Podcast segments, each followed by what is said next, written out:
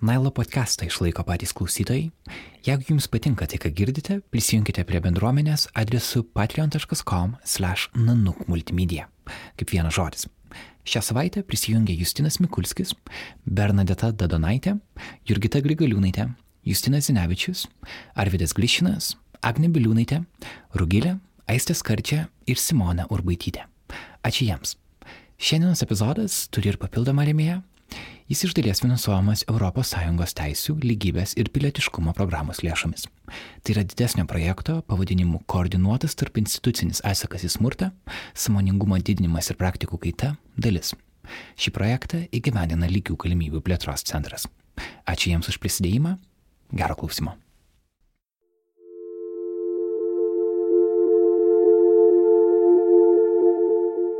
Man atrodo, kad mano šeima, kurioje aš užaugau, tai yra toks labai geras pavyzdys, kaip nedaryti.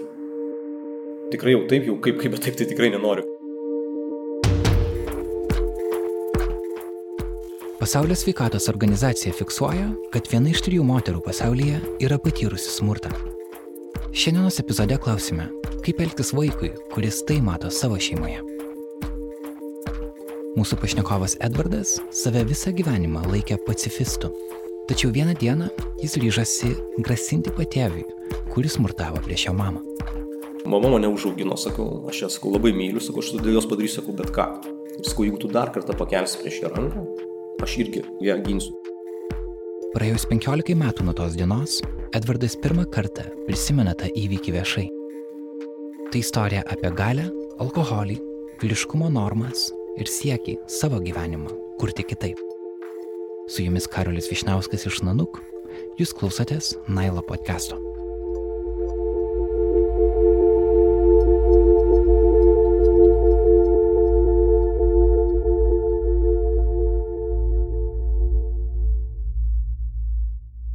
Jo, tai nežinau, man 40 metų toj bus, kaip ir vidurys amžiaus. Tai yra toks laikas, kada žmonės labai pamato tą tokį kelią nuo vaikystės iki suaugystės ir apsvarsto labai daug dalykų ir prisimena daug dalykų ir dar galvoja, kas bus. Ne?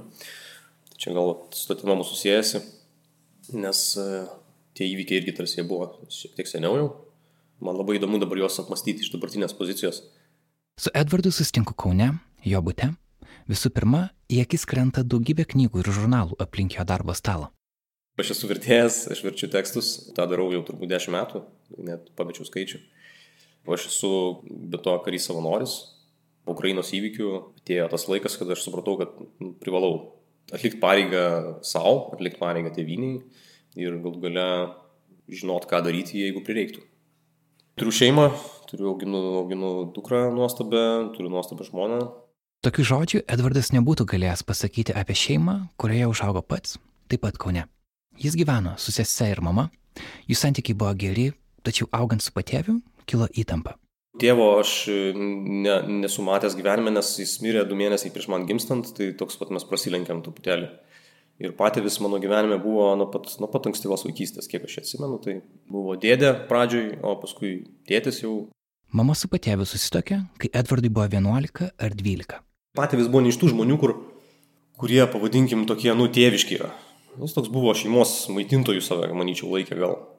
Gal dėl to, kad, kad jis pats tos šeimos meilės nelabai turėjo, nes vat, iš tokių irgi, vat, kiek pasakojo, kiek pamenu, tai e, buvo du broliai, kažkaip tą vyresnėlį liktai tėvai labiau mylėjo jo žodžiais, e, jis pats ten 16 metų, jo žodžiais vėlgi buvo iš, išmestas vos ne į gatvę ir turėjo eiti užsidirbti pinigus pats.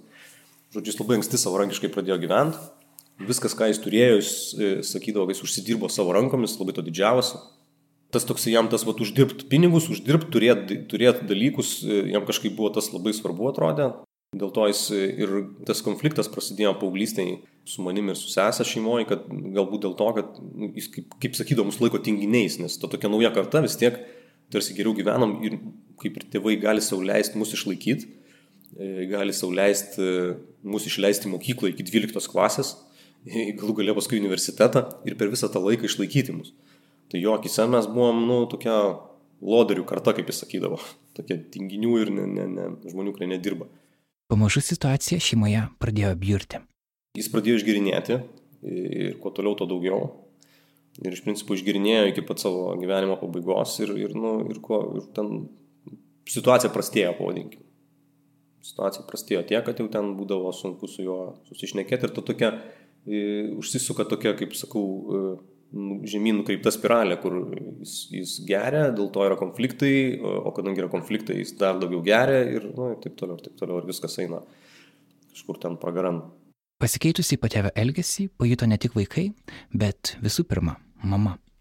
Šiandien Edvardas tai vardyja kaip psichologinį smurtą. Pakeltų balsų kalbą, šaukia, priekaištauja, rėkia. Nu, tą vat, paauglystę aš jau labai gerai atsimenu tą mamos ir patėvio nuolatinius pakeltus balsus virtuvėje uždarytom durim. Nuolat šaukdavo viens ant kito, nuolat būdavo tas konfliktas ir, ir tas, ta, ta įtampa tokia vis, vis pasikartojanti būdavo namuose. Ilgainiui mama ir patėvis pradėjo gyventi atskiruose kambariuose. Edvardas siūlė mamai išsiskirti, bet ji turėjo savų priežasčių, kodėl ne. Aš labai daug kartų jos klausdavau, kodėl, savęs klausdavau, kodėl, ir su žmona daug kartų esam šnekėję, kodėl taip nutiko ir kažkaip aš galvoju, gal čia buvo tokia moterų karta, kurios, tokios, kaip sakydavau, būdavo pasiryžusios nešti kryželį tą ant pečių iki galo, tą kažkokią tai va tokią, nu, nežinau, čia iš religijos gal, iš, iš, iš tradicijų, iš perimtos iš tėvų gal, kad nešta kančia, kuri tau priskirta yra. Buvo aišku ir tas ekonominis toksai... E, aspektas, manau, kad e, žinau, kad mano patėvis, e, kaip ir mama taip tiesiai vos nepasakius, buvo porą kartų, kad, e, nu, čia tą turtą būtų labai sunku atsidalinti. Mama jautė tokią pareigą tarsi mūsų sesę aprūpinti, nu vis tiek, jinai žino, kad jos gyvenimas kažkada baigsis ir va čia mes kažką mums reikia palikti. Čia vėlgi, manau, kad tos kartos moterų, gal ne, gal ne vien, gal ir, gal, ir, gal ir aš tą patį jausiu, kaip biški užauksiu kad reikia vaikam kažką palikti, kad vaikai nu, negali likti ant pliki gatvėje, bet nieko, tai jiems kažką turi palikti. Tai jinai kažkaip tikėjosi gal, kad, nu, kad, jeigu skirsis, tai čia bus labai sunku ir kad tam patį vis labai iš, iš, ten, išplėš iš jos ten to turto ir čia, kad mums nieko nelik, nu kažkas tokio. Tai sakau, tokių manau, kad priežasčių buvo daug, kodėl nesiskyrė. Buvo situacijų, kur aš tikrai spaudžiau ją, sakiau, mama, nu, jau čia jau yra tos ribos peržengtos visos, sakau, čia ne, kažkaip ne, ne, nėra prasmės, jūs jau gyvenate atskiruose kambariuose, jūs jau moraliai išsiskyrę. Jūs jau nebendraujat praktiškai, sakau, jeigu bendraujat, tai riekėt viens ant kito. Tai sakau, tai nu, čia ne, ne gyvenimas, sakau, jūs nu, tiesiog reikia kažkaip taip teisiškai išsiskirti beliko ir viskas. Bet, nu, neįtikinau aš jos niekaip nesugebėjau, už jos aš to sprendimo negaliu priimti, jinai turi priimti tą sprendimą, aš jai sakiau, aš tą palaikysiu tam visam procese, jeigu tu skirsies. Mes tą padarysim kartu, Bet sakau, jeigu tu nuspręsi vis dėlto, kad ne, nu, tai tada aš irgi tą palaikysiu. Vieną vasaros dieną mama ir patėvis išvažiavo prie jūros. Vakare Edvardas sulaukė mamos skambučio. Ji verkė. Mama paskambino man vakare, pasakė, kad, kad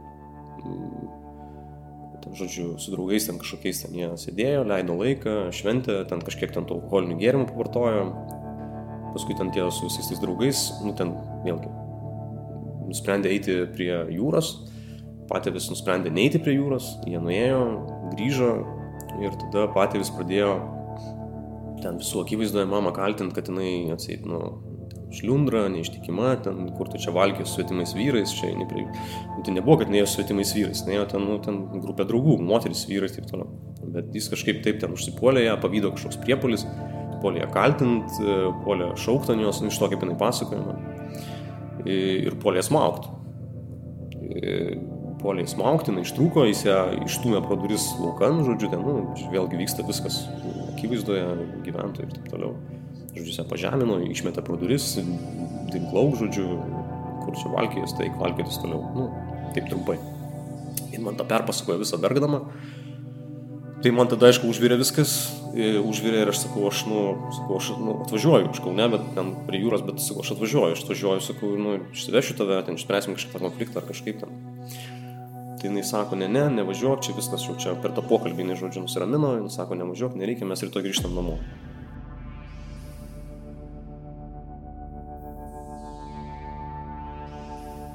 Edvardas liko su savo mintimis. Jis turėjo visą vakarą ir kitos dienos rytą sugalvoti, kaip jam elgtis. Likščiau jis niekada nieko nesakė patėviui dėl to, kaip jis elgėsi su mama, bet likščiau patėvis nebuvo smurtavęs prieš mamą fiziškai. Tai, kas atsitiko pajūryje, sugriovė šią, nors ir įsivaizduojamą ramybę.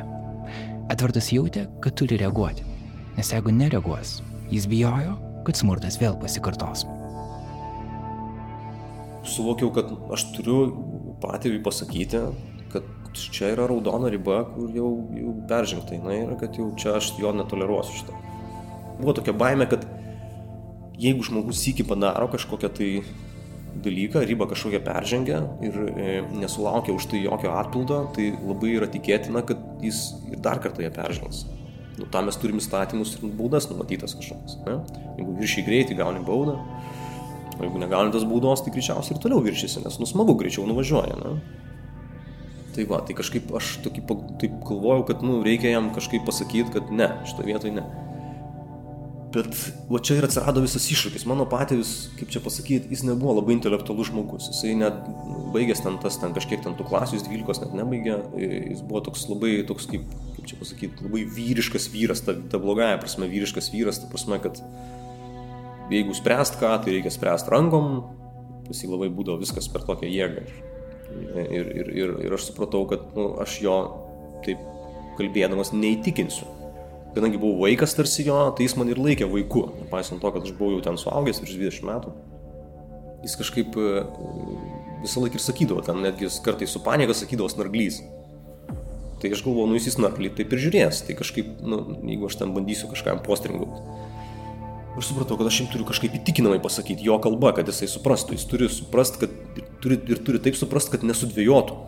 Taip, kad jau tikrai, tikrai suprastų, kad man čia yra svarbu mamai čia yra svarbu ir kad jam čia turi būti svarbu. Toks griežtas, kabutėse vyriškas kalbėjimas Edvardui buvo iššūkis. Jis visą gyvenimą vengė smurto ir tuo didžiavosi. Iki šiol nesu sudavęs niekam į veidą per visą gyvenimą, tai nu, čia didžiuojas tuo. Bet tai atrodo tas skirtumą nuo mano patį. Patį vis buvo toks, kur tvarko dalykus rankomis.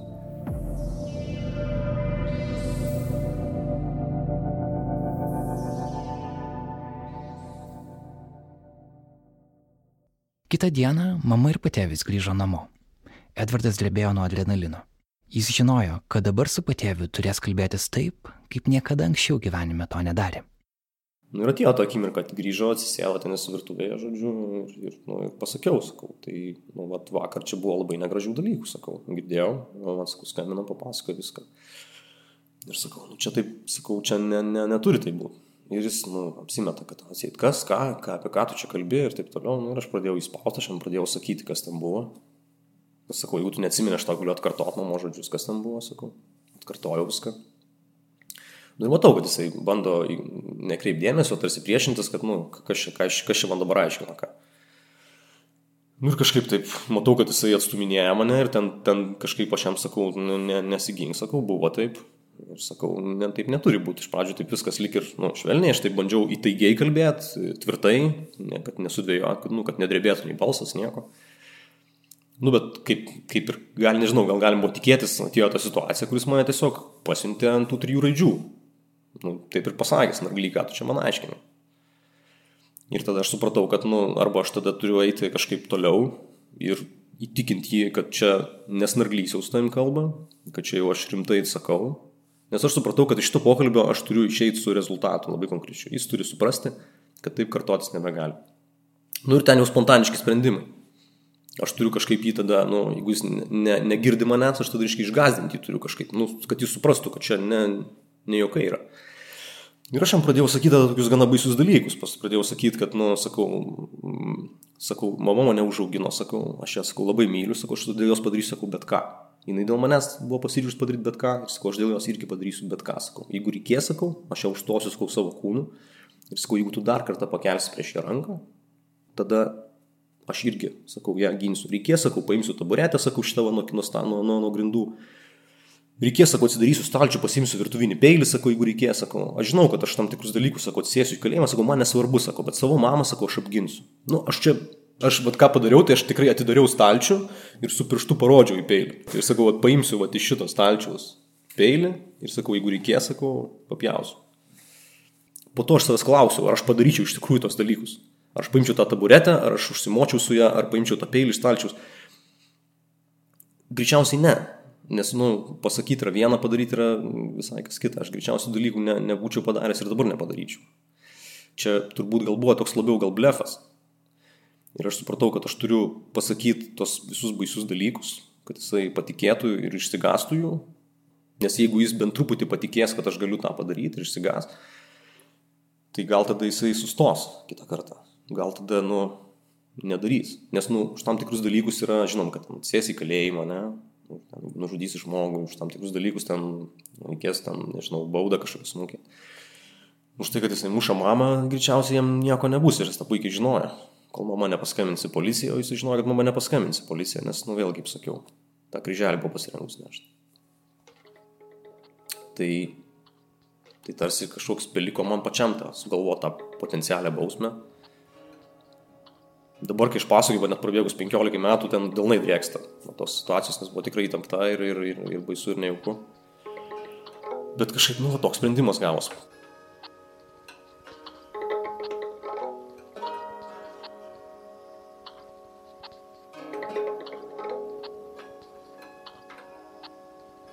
Po šio pokalbio patėvis prieš mamą fiziškai nebesmurtavo. Bent jau tiek, kiek žino Edvardas. Mama su patėviu gyveno iki jo mirties dar dešimt metų po šio įvykio. Vėliau, po kelių metų, mirė ir mama. Paklausiau Edvardo, ar jis sutiktų šią istoriją dalintis, jeigu mama ir patėvis dar būtų gyvi.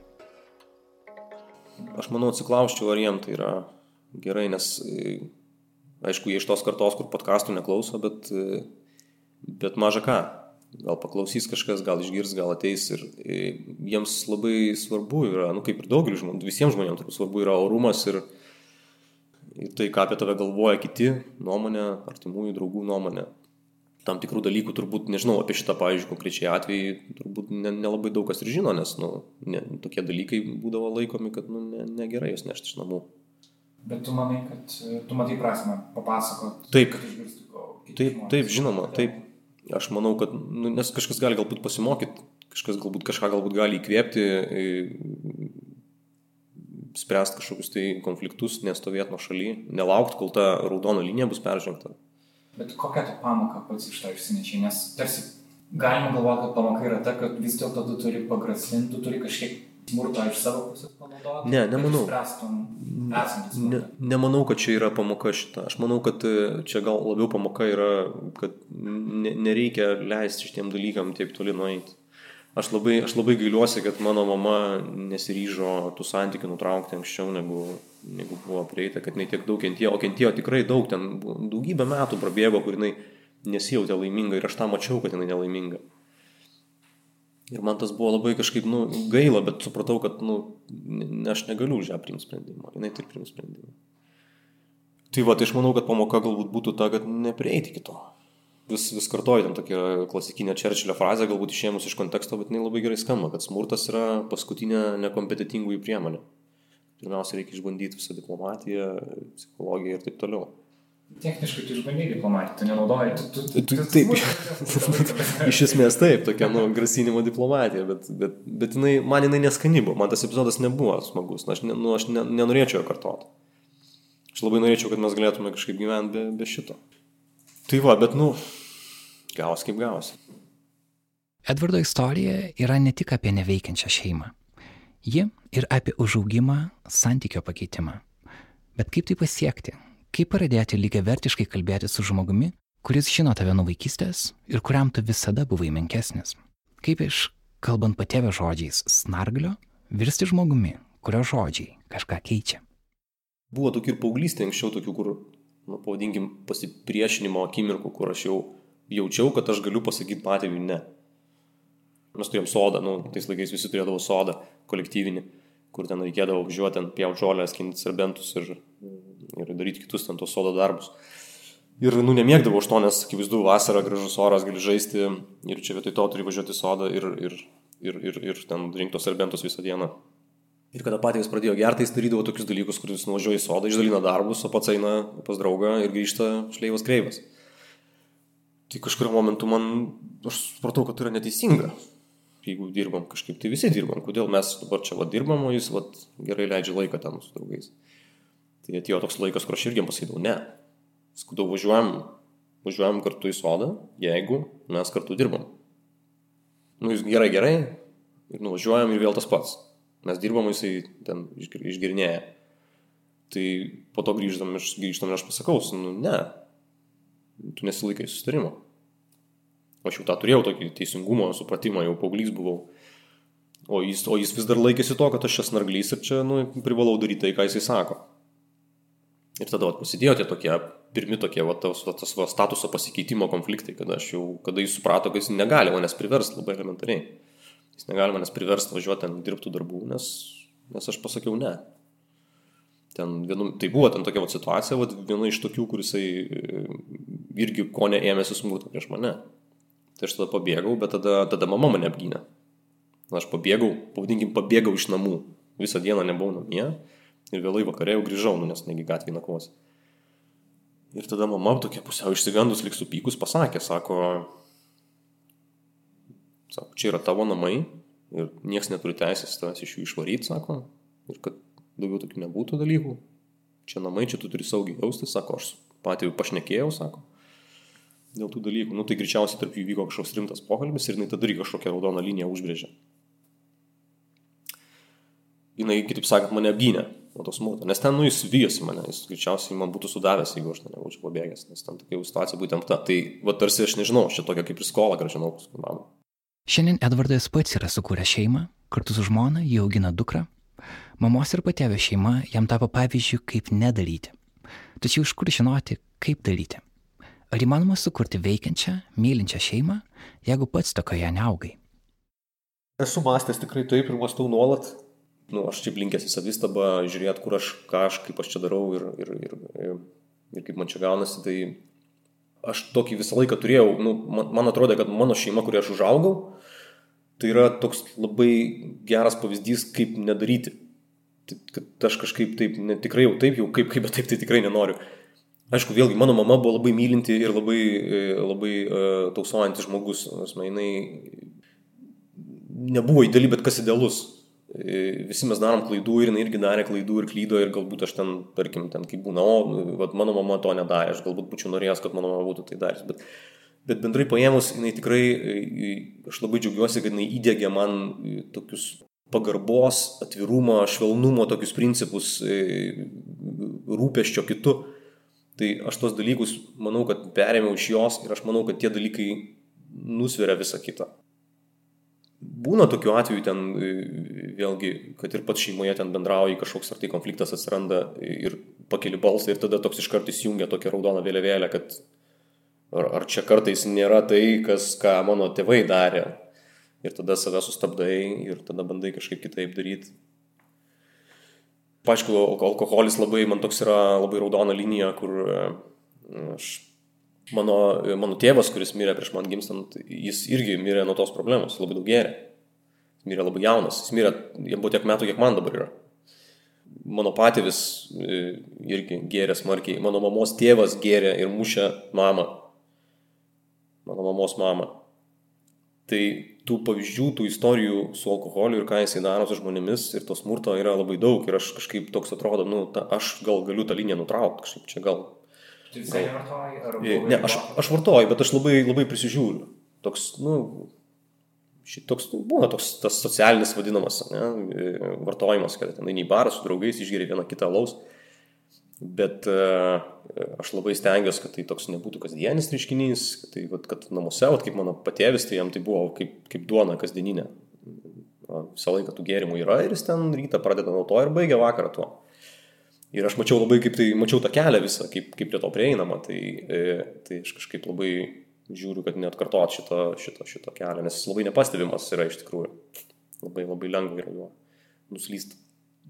Tai va, tai tos pamokos išmoktos, aš jas bandau nuolat savo primint ir nuolat stebėti, kad, kad to nebūtų mano šeimoje. Ir aš tikiuosi, kad man gaunas.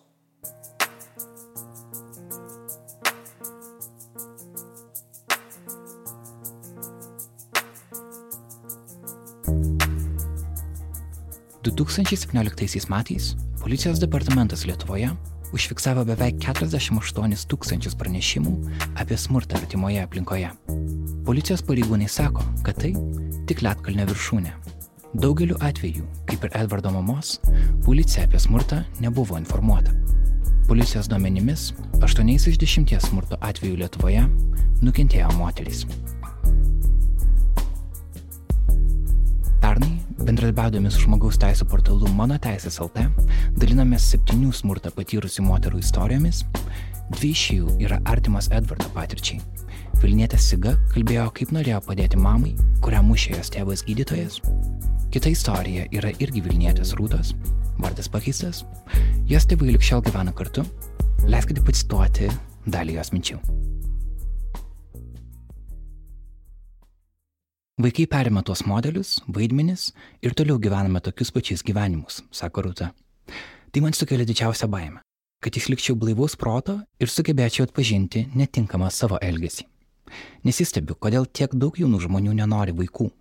Daugelis kalba apie sudėtingas finansinės situacijas, nes iš tiesų nėra paprasta jaunom šeimoms išgyventi. Bet manau, daug kas bijo tiesiog būti blogais tėvais. Baisu sukurti šeimą, kuri bus tavo tėvų modelis, nes kitokio varianto nebuvai mačiusi. Aš taip pat esu tarp šių žmonių, nes tėvai vargu ar piešia savo gyvenimą tokį, juk kažkada buvo viskas gerai. Atskirai paėmus jie, nuostabų žmonės, bet kartu jie negalėjo gyventi. Kažkur įvyko lūžis. Kur? Atsakymo neturiu. NLLT tinklalapyje kartu su šiuo epizodu pasidalinsime ir nuorodomis į visus šiuos interviu. O dabar grįžtame į podcast'o epizodą ir čia norime jūs supažindinti su dar viena pašnekove. Smurtas artimoje aplinkoje yra labai latentinis reiškinys. Dažniausiai mes jau matom tuos atvejus, kada jau yra prasidėjęs fizinis smurtas, nes paprastai tuo metu jau žmonės pradeda kreiptis į policiją arba kažkokias kitas institucijas pagalbos. O sisteminis smurtas jis prasideda kur kas anksčiau Ir nu, mes paprastai tą vadiname tokiu kaip ir psichologiniu smurtu, bet iš esmės tokios taikomas įvairios tokios galios ir kontrolės strategijos, kad laikyti žmogų pavaldume ir, ir gniuždyti visokiais būdais. Margarita Jankauskaitė yra viena didžiausių moterų teisų advokačių Lietuvoje. Ji dirba ekspertai lygių galimybių plėtros centre. Centras daug prisidėjo, kad apie smurtą namuose būtų kalbama daugiau ir garsiau. Ir aš norėjau jos paklausti, kaip ji mato Edvardo šeimos istoriją. Ar ji išgirdo kažką naujo?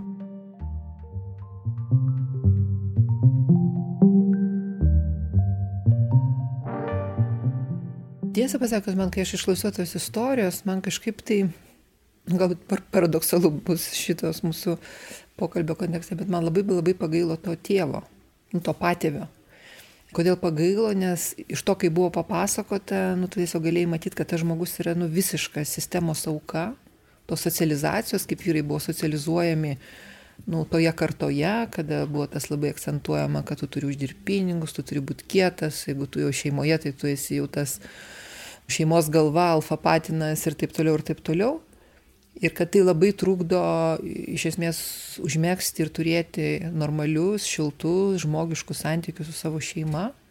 Tu prarandi šeimą, greičiausiai nesugebi įgyvendinti tų reikalavimų arba tų lūkesčių, kurie yra tau iškeliami kaip vyrui, dėl to tu pradedi piknaudžiauti alkoholiu, tai dar labiau sunkina tavo santykius, tada tu dar labiau daraisi vienišas, nu, žodžiu, užsisuka toks visiškai įdingas ratas, kuris, nu, šitoje konkrečioje istorijoje, jau atveda iki, iki to, kad tą partnerę žmoną, kurie, nu, su kuria tu turėtum kurti tą intimų santykį, kuris galbūt net ir galėtų būti tau atgaiva gyvenime arba toje visuomenėje, galbūt ne visą laiką tau draugiška yra, bet tu kaip tik tą santykį suardai, santykis atšal ir galų galėsi netgi baigėsi fizinė prievarta. Nu, tai yra tokia visiška žmogaus tragedija, bet iš kitos pusės, kodėl sakau, kad paradoksalu, iš kitos pusės tu suvoki, jog pats faktas, kad, na, visuomenė su tavimi taip pasielgia, tai tau nesuteikia jokių teisių, na, smurtauti prieš, prieš kitą asmenį.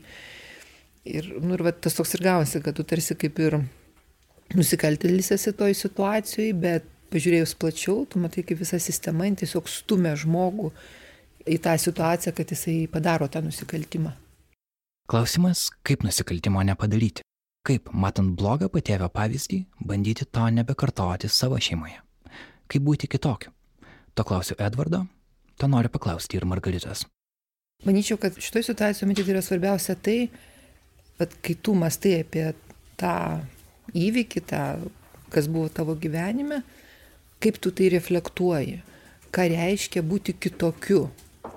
tas esminis lūžis gali įvykti ir iš tikrųjų tas kitoniškumas gali atsitikti tik, tik tuo atveju, jeigu tas, tas asmuo, konkrečiai vyras, kritiškai permasto, ką reiškia būti vyru. Nes jeigu tu imi, tarkim, taip aš, nes, nu, aš kaip ir nesmurtauju, bet aš tarkim nesisakau to, kad aš vat, esu, save matau kaip tokį e, šeimos galva, mano ten žodis paskutinis ir, ir, ir panašus tokie dalykai. Tai nėra tokia labai jau gili transformacija, nes vėlgi, čia gali būti, kad, nu taip, aš kaip ir nesmurtauju, bet matot, mes galime pavadinti kitų žodžių tą patį veiksmą ir jau tada bus, pavyzdžiui, aš nesmurtauju, bet aš augliai. Ir tada, ypatingai, kai mes jau kalbam apie tokius dalykus kaip psichologinis, sakykime, spaudimas, kontrolė, nu, iš esmės tai yra smurtas psichologinis, mes galime jo net net pažinti, nes man atrodys, kad aš tokiu būdu esu, stengiuosi būti tas vat, labai geras tėvas ir, ir tai nėra smurtas, ne? Bet jeigu tu pažiūri giliau į tą situaciją, kad tu tikrai permastai iš tikrųjų tas šeimos maitintojo ir būtinai, nu, to, kuris jau pats teisingiausias ir paskutinį žodį tarė ir, ir, ir kad tas, tas toks įsivaizdavimas, kad nu, vyras vis tiek yra tarsi šiek tiek aukščiau negu moteris, toks reikšmingesnis yra. Jeigu tu vat, viso šito balasto atsikratai, tai aš tikiu, kad tada iš tikrųjų gali vykti labai, labai reikšminga transformacija ir aš tikiu, kad tos transformacijos yra galimos, nes jeigu taip būtų, kad mes, žinote, viską perimam iš tėvų šeimos ir, ir niekas nesikeičia, tai čia mūsų gyvenime apskritai niekas nesikeistų. Bet vis tik tai mes matome, kad tie pokyčiai, žiūrint į vieną kartą ir į kitą kartą, nu jie yra dideli. Tai mes čia tikrai kaip individai turim visą, visą galę keisti savo, savo gyvenimo turinį, bet tiesiog turim būti iš tikrųjų labai kritiški ir labai permastyti, kas buvo, ko reiktų atsisakyti, nes kitą kartą, nu, aš taip įsivaizduoju, kad vyrams yra sunku atsisakyti tos vyriškos privilegijos, nes atrodo, kad tai, jeigu tu to atsisakai, tai tu tarsi visko netenki ir yra sunku patikėti, kad tu kaip tik gauni kur kas daugiau, negu tu prarandi, kada tu laikais įsikibęs tos vyriškos privilegijos. O, ką tu gauni, ką jūsų akimis vyrai gali gauti? Nus, o, žinokit, gauti tai jie gali labai daug ir dabar jau, čia jau ne tai, kad aš manau, čia aš jau tiesiog galiu ir referuoti į, į tyrimus, kurie rodo, kad tose visuomenėse, kur yra daugiau lyčių lygybės, atotrukis tarp vyrų ir moterų yra maksimaliai sumažėjęs, vyrai yra laimingesni. Ir moteris ir vyrai yra laimingesni. E, vyrai mažiau rizikuoja patirti smurtą, nes mes žinome, kad paprastai vyrai patiria kitų vyrų smurtą. Yra nustatyta, kad netgi pasitenkinimas lytiniu gyvenimu yra didesnis tose visuomenėse, kur lyčių lygybės yra daugiau. Depresyvumo lygis krinta, savižudybių lygis krinta, Tai čia jau jeigu imti grinai tai, kas vyrus kaip individus liečia, bet jeigu mes imtumėm visuomenę plačiau, tai tarkim Europos lygių mes žinome, kad ir skirybų skaičius yra mažesnis ten, kur jau dabar vat, skirybų skaičius yra mažesnis ten, kur yra daugiau lyčių lygybės, vaikų gimsta daugiau ten, kur yra lyčių lygybės daugiau, krizės ekonominės yra įveikiamos lengviau arba jų iš viso neatsiranda. Tarsi šeima tampa stipresnė. Taip, ir, tai ir, atrodo, kaip taip, taip. Lygybės politika tarsi yra tokia dažnai emancipuojanti tarsi. Anti šeimos politika. Tai, tai va čia yra įdomus toks momentas, kad reiškia, kada tik tai tas lyčių lygybės tie visi procesai tik tik įsibėgėjo, tai iš tikrųjų buvo juntama tokia tendencija, kad ten, kur daugiau lyčių lygybės, skirybų yra daugiau. Ir tas aiškinama tuo, kad nu, moteris paprastai tą emancipaciją įsitraukia noriau ir, taip sakant, aktyviau, nuo vyrai pirmoje etapu jie tokie pasimetę, jie nežino čia, ką jiems čia daryti, ar jiems čia tą seną ryškę tvarką laikyti įsikibus, ar čia kažkaip transformuotis. Bet kai jau procesas pajuda ir vyrai taip pat prisijungia prie viso to, tai tada žmonės pradeda gyventi tokioje labiau partnerystėje. Nes anksčiau, kodėl tos skirybos, nes moteris emancipuojasi, vyrai lieka tarsi toj senoj tvarko, tada moteris nu, nutraukia santykių tiesiog su tokiu partneriu. Bet kada abu du jau laikosi tų lyčių lygybės principų, jų sąjunga yra tokia labiau partnerystės principais grista ir dėl to netampa žymiai žymiai tvaresnė. Nu, ir, ir čia galim būtų dar vardinti ir vardinti. Tai, tai iš esmės vyrams lyčių lygybė yra visiškai naudinga ir jeigu atsakyti, kągi galėtų vyras laimėti, sakydamas to pasenusios tos normos tokio hegemonio vyriškumo, tai aš manau, kad visų pirma jisai laimėtų žmogišką santyki, jisai iš esmės laimėtų galimybę būti labiau žmogu, mainais į, į galimybę būti labiau vyru. Grįžtu prie statistikos, kad anot pasaulio sveikatos organizacijos viena iš trijų moterų pasaulyje bent kartą gyvenime yra patyrusi fizinį arba seksualinį smurtą. Tai didžiulis skaičius. Klausimas, kodėl visuomenėje apie tai kalbėti vis dar yra tabu. Rengdami tekstinės istorijas apie smurtą, daugelį jų pašnekovai sutiko papasakoti tik tada, kai pats smurtautojas jau buvo miręs. Edvardo atvejis taip pat buvo toks. Kaip tai pakeisti? Kaip nukentėjusiems moteriams ir tai matantiems vaikams drįsti prabilti, kol dar galima kažką pakeisti? Nu taip, nepaslaptis, kad moteris, kurios susiduria su smurtu, yra ta problema, kad jos, jos dažnai išgyvena tą kaip, nu, tokia kaip savotišką gėdą tokią, kad, vat, nu, joms tarsi santykė kažkas nenusisekė, galbūt tarsi jos nepakankamai įdėjo kažkokių pastangų, kad tą situaciją pagerint. Yra tas kalties jausmas ir aišku, ir didelė baimė, tu netai paprasta apie tai prabilti, nes tu gali labai greit susilaukti sankcijų, reiškia, iš smurtautojo pusės. Bet yra ir, ir ta problema, kad mes kaip visuomenė esam labai linkę kaltinti nukentėjusius asmenis. Arba tiesiogiai kaltinti, daug maž nereikėjo veltis į tokius santykius, arba tas kaltinimas gali būti toks tarsi ne visai tiesioginis, kada atsakomybę dėl susidariusių situacijų sprendimo mes permetam ant nukentėjusio asmens pečių, tikėdamasi, kad, nu, va, jinai dabar turi kažkaip susijimti, ten, nežinau, kreiptis į ten tarnybas, ten, nežinau, rašyti, nerašyti pareiškimą, bet vis tiek kažkaip tai liūdėt, kažką tai nurodyti tokią iniciatyvą ir kad va tokiu būdu tas viskas išsispręs. Tarkim, tas nuolatinis toksai klausimas, tai kodėl jinai jo nepalieka, arba kodėl jinai su, su juo neišsiskiria, tai atrodo, kad, nu, taip mums būtų labai gerai, va, taip jinai išsiskiria ir mums taip visiems palengvėja ir nebereikia apie tą smurtą galvoti, nors skirybos, tai josgi problemos tai neišsprendžia, na, jis išsiskiria su viena moterimi, jis gali rasti kitą moterį ir kur ta situacija kartosis. Tai visuomenė turėtų padaryti namų darbą ir mes turėtumėm jausti atsakomybę, kad kiekvieną sykį, kada vat, mes taip pat reaguojam, sakydami, kad bet kada gali palikti, jeigu nori, žinoji, kokius santykius veliasi, sutirština spalvas kalbėdama apie tai, arba kas yra iš viso protų nesuvokiama, kad trečdalis Lietuvos gyventojų galvoja, kad kai kurio moterim patinka, kada su jomis šitaip elgiamasi. Tai suprantat, kol mes kaip visuomenė padarysim namų darbų ir nesiliausime taip galvoja ir kažkokias replikas ar kažkokias reakcijas siūsti į aplinką, tai bus labai sudėtinga prabilti apie tą smurtą, o tai reiškia, kad mes apie jį sužinosim tik tada, kada jis jau bus pasiekęs tokį labai jau pavojingą lygį, kaip ir užleista lyga, nu, kai jinai jau visai užleista, tai tu jau matai, kad, nu ką, viskas galūnės amputuoti, ten ką daryti toj situacijai, tu nebegali pritaikyti kitų kažkokių metodų, kurie galėtų tą organizmą atstatyti, kad jisai vėl pilnavertiškai funkcionuotų. Tai čia tikrai būtų ta, tas tikslas, kad kuo anksčiau apie tai kalbėt, kuo geriau atpažinti požymius, nes, kaip jau minėjau, fizinis smurtas čia jau viskas, čia yra paskutinė stadija. Bet mums reikia atpažinti va, tą tokį kitos mens kontroliavimo, persikiojimo, galvojimo, kad tu nu, gali kiekvieną aspektą, kaip sakant, reguliuoti, kad tai yra nepriimtina, kad tarkim pavydas tai nėra joks meilės, jokia meilės išraiška, kad tai irgi yra toks labai ryškus galimo smurto požymis, nes iš esmės yra tokių tyrimų, kurie parodė, kad jeigu žmogus yra pavydus ir kontroliuojantis, va tas, kuris smurtauja, tai tada praktiškai yra ir, ir visi kiti pavojaus, pavojaus ženklai. Tai čia yra toks pirminis požymis. Tai gilinkimės į temą, atpažinkim ją, reaguokim, nebūkim abejingi ir, ir supraskime, kad kuo anksčiau mes tą identifikuojam, kuo anksčiau pas, pasiunčiam tą pavojaus signalą, tuo nu, visiems geriau.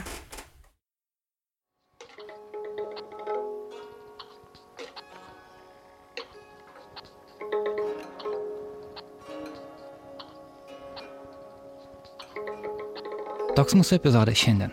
Ačiū, kad buvote kartu. Tinklalapyje Naila.lt pridėsime nuorodas į visus anksčiau mūsų rašytus straipsnius apie smurtą namuose. Taip pat ten rasite tiek Edvardo, tiek Margaritos fotografijas. Jų autoriai yra Severina Venskutė ir Artūras Morozovas, Nanuk fotografai. Jeigu jūs namuose patirite smurtą arba žinote, kas patiria, visada galite paskambinti moterų pagalbos liniją telefonu 8 800 66 366. Pagalba teikiama kasdien visą parą. Epizodą vedžiau ir redagavau aš Karolis Višnauskas, jam muziką kūrė Katažina Bitoft, Vitalija Glovickytė, Viktoras Urbaitis ir Martinas Gailius. Studijoje dirba garso režisierė Aistė Baltraitytė. Už studiją dėkojame Nacionaliniai Martino Mašvido bibliotekai.